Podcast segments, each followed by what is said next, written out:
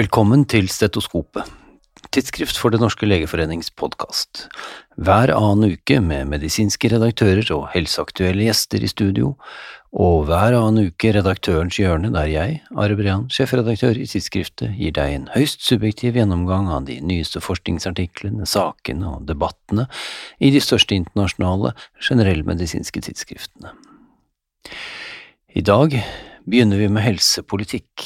Det er eh, British Medical Journal som rapporterer fra en ny stor rapport fra Verdens helseorganisasjon. Rapporten konkluderer med at helse må settes helt sentralt i den økonomiske utviklingen i alle land. Ja, helse må være det endelige målet for økonomisk aktivitet, og være en nøkkelprioritet på tvers av alle offentlige virksomheter, ifølge rapporten. Det vil kreve en grunnleggende ny måte å tenke om helseøkonomi på, der utgifter til helse behandles som en langsiktig investering, ikke som en kortsiktig kostnad. De tre store krisene i vår tid, skriver panelet bak rapporten, nemlig helse, ulikhet og klima, er dypt sammenvevet, og ingen av dem respekterer landegrenser. Derfor må de håndteres sammen og internasjonalt. Bedre helse betyr høyere velstand for både individ, befolkning og land, skriver British Medical Journal i en korresponderende lederartikkel om rapporten. For kommisjonens budskap gir selvsagt stor gjenklang i et Storbritannia med et nasjonalt helsevesen i knestående, men også i norsk sammenheng kan det være verdt å bite seg merke i rapportens hovedbudskap, nemlig at et lands utgifter til helse ikke må ses på som en utgift, men som en investering. Vi skal over fra helseøkonomi til helseutdanning. Om bare noen få uker får Norges håpefulle søkere til medisinutdanningene beskjed om resultatet av inntaket til høstens studier.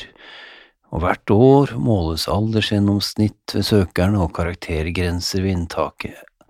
Men hvordan står det til med den sosioøkonomiske bakgrunnen til de som kommer inn på medisinstudiet? Det vet vi mindre om. En stor studie nettopp publisert i Journal of the American Medical Association har analysert sammenhengen mellom amerikanske familiers samlede husholdningsinntekt og sannsynligheten for at avkommet kommer inn på medisinstudiet. Over 230 000 søkere til alle amerikanske medisinstudier fra 2014 til 2019 ble inkludert. Analysene baserte seg på selvrapportert husholdningsinntekt i søknadsskjemaene. Sannsynligheten for at en søker skulle få plass på medisinstudium, økte trinnvis med husholdningsinntekten til familien. For inntekter under 50 000 dollar i året var sannsynligheten 24,3 og for inntekter over 200 000 dollar i året var sannsynligheten 30 66,9 Det tilsvarer 50 høyere sannsynlighet for å komme inn på medisinstudiet dersom dine foreldre tjener over 200 000 dollar i år sammenlignet med de som tjener under 50 000. Og denne forskjellen økte markant fra 2014 til 2019. Kanskje ikke veldig overraskende funn, men åpenbart et skudd for baugen for alle som fortsatt måtte mene at USA er noe nær det perfekte meritokratiske samfunn, der hvor hardt du jobber og hvor dyktig du er, er viktigere enn hvilken bakgrunn du kommer fra. Slik er det altså ikke når det gjelder å komme inn på medisinstudiet, i hvert fall. Så får vi håpe at noen også blir inspirert til å finne ut av hvordan det står til med dette for norske medisinstudenter. Vi skal holde oss i tidsskriftet Yama, og i USA ennå litt. For uh, i USA har kjønnsbekreftende behandling blitt en enda hetere politisk potet enn her i Norge. Til tider kan det virke som denne bitte lille og utsatte miniminoriteten som transfolket utgjør, har blitt utpekt til en slags samfunnsfiende nummer én. Det har konsekvenser, først og fremst for dem det gjelder, selvsagt, men i USA også for deres behandlende leger. Hittil i 2023 har det blitt reist 118 lovforslag i 31 ulike stater om forbud mot kjønnsbekreftende behandling. Hittil har 15 stater i USA lover som forbyr slik behandling for mindreårige. Det er på tvers av konsensusanbefalingene fra amerikanske legeforeninger og leger som utfører slik helsehjelp, risikerer i mange av statene ikke bare å miste lisensen, men også risikerer de sivile søksmål fra både staten og privatpersoner, de risikerer bøter og fengsel. Og hele seks stater, Florida, Kansas, Nebraska, Oklahoma, South Carolina og Texas, vurderer nå lovforslag som forbyr kjønnsbekreftende behandling også for voksne.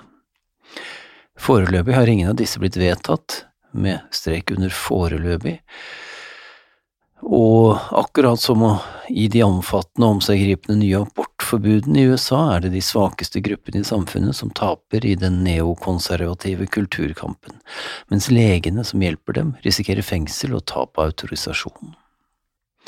I mellomtiden, i Canada, kommer det nå en ny omdreining i kampen mot røyking.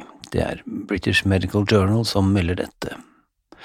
Som i Norge er det også i Canada helseadvarsler på alle sigarettpakker, og fra 1. august i år kommer det i tillegg helseadvarsler på hver eneste sigarett. Korte tekster som sigaretter forårsaker kreft og gift i hvert et drag blir stemplet på selve sigaretten, ikke bare på pakken.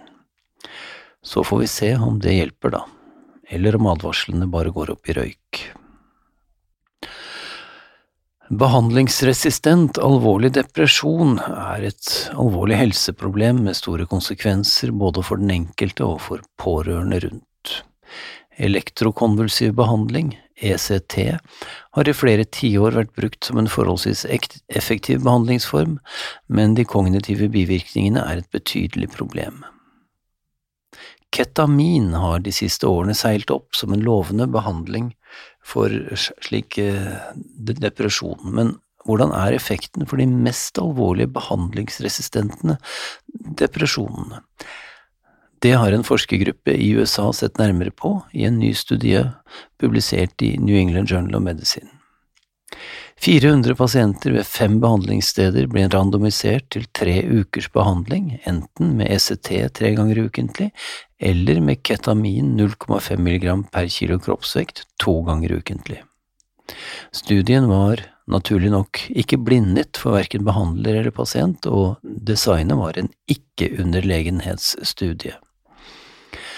55,4% av pasientene i ketamingruppen hadde positiv behandlingsrespons mot 41,2% i ECT-gruppen. Resultatene var signifikante, og konklusjonen er at ketamin ikke ser ut til å være underlegen ECT i behandling av alvorlig behandlingsresistent depresjon. Lovende resultater altså, men som trenger å bli bekreftet i nye studier, ikke minst med tanke på langtidsresultater som det foreløpig ikke foreligger data på. Over til kvinnehelse. Hetetokter kan være et betydelig problem for mange kvinner i overgangsalderen. Østrogenbehandling kan hjelpe, men langtidsbivirkningene bekymrer mange, og det er behov for et ikke-hormonelt behandlingsalternativ. Hetetoktene skyldes som kjent lokal perifer vasodilatasjon. Slik vasodilatasjon er nitrogenoksidmediert. Rent fysiologisk kunne man derfor tenke seg at det å indusere nitrattoleranse kunne dempe symptomene. Og hvordan induserer man nitrattoleranse? Jo, for eksempel ved å tilføre kontinuerlig transdermal nitroglyserin. Som sagt, så gjort. I en randomisert, dobbeltblindet, placebokontrollert studie eh, ble 141 postmenopausale kvinner med hetetokter randomisert til enten kontinuerlig nitroglycerinplaster eller placeboplaster i en periode på tolv uker. Endepunktet var forekomsten av selvrapporterte hetetokter. Resultatene var skuffende. Det var ingen forskjell mellom gruppene, bortsett fra at nitrogruppen hadde mer hodepine i prøveperioden. Fysiologien var altså lovende, men klinikken skuffende, og studien er publisert i Yama Internal Medicine. Har du hørt om den odontologiske høyskolens Saveta i Chennai, India? Ikke det, nei. Men mange har faktisk hørt om denne tannlegeskolen fordi den kommer så høyt opp på universitetsrankingene. Ja, faktisk er den listet blant topp 15 av verdens tannlegehøyskoler, og er den mest siterte utdanningsinstitusjonen i odontologi i hele verden. Nå har nettstedet Retraction Watch, som følger med på juks og fanteri i forskningens verden, avslørt hvorfor denne høyskolen kommer så høyt opp. Saken er omtalt i en lengre artikkel i tidsskriftet Science, og her, følg nøye med nå, kommer oppskriften på hvordan man kommer seg opp og frem på universitetsrankingene. Hvert år går 500 av denne skolens høyskolestudenter opp til en fire timers eksamen, der de må skrive et 1500 ord langt manuskript om forskning de selv har gjort. Etter at manuskriptene har blitt revidert av skolens akademiske lærerstab, blir de utstyrt med referanser og innsendt og publisert i vitenskapelige tidsskrift, det siste formodentlig med store anførselstegn. Hemmeligheten ligger i referansene som blir påført, for disse referansene går nesten utelukkende til artikler tidligere publisert av skolens ansatte, til dels i helt urelaterte fagområder. Det får man til ved å, i artiklene, uavhengig av hva det handler om, sette inn en tilsynelatende uskyldig setning om at vår stab har rik forskningserfaring eller noe lignende, etterfulgt av minst et dusin referanser til artikler skrevet av skolens ansatte. Og vips, så er høyskolens Saveta blant de hyppigst siterte i hele verden. Rektor skolen uttalte at vi skal ikke være uetiske, det er vår politikk. Samtidig har den samme rektorens artikler nå 4300 siteringer i Google Scholar, og nesten samtlige kommer merkelig nok fra andre artikler publisert av andre Saveta-ansatte. Hmm. Fra universitetsrankingens av og til noe råtne verden skal vi over til barnemedisin og vaksiner. MMR-vaksinen, altså trippelvaksinen mot meslinger, kusma og røde hunder, gis i det norske barnevaksinasjonsprogrammet første gang med 15 måneders alder. Observasjonelle data fra flere steder i verden har lenge tydet på at særlig meslingvaksinen ser ut til å være koblet til en generell reduksjon i sykelighet og død hos barn. Den gir altså ikke bare reduksjon i meslingrelatert sykdom. Men hva hvis man da gir MMR-vaksinen mye tidligere enn man gjør nå, for eksempel ved seks måneders alder? Ville det redusere sykelighet og dødelighet i barnets første leveår? Det har danske forskere spurt seg, og resultatet er publisert i British Medical Journal denne uken.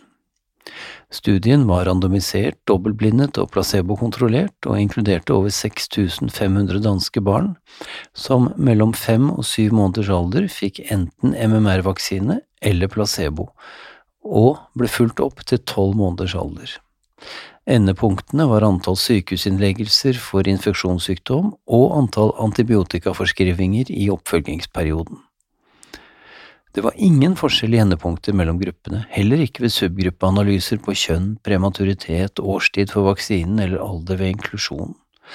Svært tidlig MMR-vaksinering ser altså ikke ut til å gi noen umiddelbar effekt på infeksjonsrisiko hos småbarn. Så vet vi det, og det norske barnevaksinasjonsprogrammet ser ut til å stå seg, selv om ingen har undersøkt forskjellen på å vaksinere ved 12 måneder og 15 måneder. Det er kanskje i seg selv oppsettet til en ny studie. Så til den andre enden av livsløpet, og til aldring. Nei, ungdomskilden er ennå ikke funnet, men et femtitalls forskere fra ulike land kan kanskje være på sporet av noe. Denne uken, i tidsskriftet Science, publiserte de nemlig resultatene av flere store studier knyttet til den semi-essensielle aminosyren taurin og dens effekt på aldring. Funnene er såpass oppsiktsvekkende at de har gitt opphav til også en egen feature-artikkel i samme utgave av Science, samt også, samt også omtale andre steder. Taurin, for den som måtte ha sine biokjemikunnskaper litt for godt begravet i minnebanken, er en aminosyre som mennesker, i alle fall dersom de har nok vitamin B6 tilgjengelig, dels kan syntetisere i kroppen, men som enkelte andre arter, som for eksempel katter, må få tilført gjennom maten. Omtrent 0,1% av kroppsvekten til de fleste dyrearter, inkludert mennesker, består av taurin. Og taurin har en lang rekke viktige funksjoner i kroppen, Taurintilskudd har i mindre studier vist seg effektivt mot enkelte metabolske og inflammatoriske tilstander. Det er imidlertid lite kjent hvordan og hvorfor stoffet faktisk virker ved disse tilstandene. I denne nye studien har forskerne gitt peroralt taurintilskudd til en lang rekke dyrearter. I middelaldrende mus viser jevnlig taurintilskudd å forlenge levealderen med 10–12 prosent sammenlignet med kontroller. Det hjelper imidlertid lite å leve lenge dersom man ikke har god helse, derfor har forskerne undersøkt også det, og de fant at de middelaldrende taurinmusene også fikk betydelig forbedret helse gjennom hele aldringsprosessen. Det gjorde også aper i en lignende studie, og effekten var også den samme i ganske enkle flercellede organismer, men ikke enkeltcellede organismer som gjær. Men hva ligger bak denne tilsynelatende livsforlengende effekten av taurin? Jo, undersøkelsene viste at taurin positivt påvirket flere av kjennetegnene ved aldringsprosessen. Stoffet reduserer cellealdring, beskyttet mot telomerasetap, ga mindre mitokondriell dysfunksjon, den reduserte DNA-skader og reduserte betennelse. Hos mennesker viser en assosiasjonsanalyse at lavere konsentrasjoner av taurin, hypotaurin og N-acetyltaurin er assosiert med ugunstige helsemarkører slik som økt abdominal fedme, hypertensjon, betennelse og type 2-diabetes. Interessant nok viser det seg at fysisk trening gir økt konsentrasjon av taurinmetabolitter i blod, noe som i alle fall delvis kan ligge til grunn for de gunstige effektene trening ser ut til å ha på aldringsprosessen. Men så var det nedsidene, da. Taurintilskudd har i andre dyrestudier vist seg å ha en negativ innvirkning på mikrostrukturen i ben, selv om det er uvisst hva den kliniske betydningen av dette er. Dessuten kan taurin langt fra være noen entydig forklaring eh, på utsettelse av aldring, siden for eksempel en diett rik på plantekost, som absolutt ikke inneholder taurin, også har en svært gunstig virkning på aldringsprosessen. I det hele tatt, vi avventer nye og forhåpentlig robuste kliniske studier på mennesker. Og dersom disse skal kunne vise en eventuelt relevant effekt på livslengde hos mennesker, kan vi nok vente lenge før de resultatene foreligger. Til sist i dag, siden vi først snakker om aldring. Det å være tospråklig er i noen studier assosiert med bedre kognitiv ytelse og redusert risiko for å utvikle demens, men effekten er ikke entydig. Dette er nå undersøkt nærmere i en ny studie publisert i det anerkjente tidsskriftet Neurobiology of Aging. Studien er også referert i Science. Studien er en del av en større longitudinell klinisk studie av kognitiv kapasitet og demens, den såkalte Delcode-studien. I denne delstudien ble over 700 eldre deltakere inkludert. For de tospråklige av dem viste det seg at de som hadde lært et nytt språk før 30 års alder, presterte bedre på kognitive tester sent i livet, sammenlignet med de som hadde blitt tospråklige midt i livet. De som hadde blitt tospråklige etter fylte 65 år, hadde ingen slik effekt. Med andre ord, lær deg språk, jo tidligere, jo bedre. Ikke bare greier du deg bedre i andre land, men du får også sannsynligvis bedre kognitiv funksjon som gammel. Vi høres neste gang.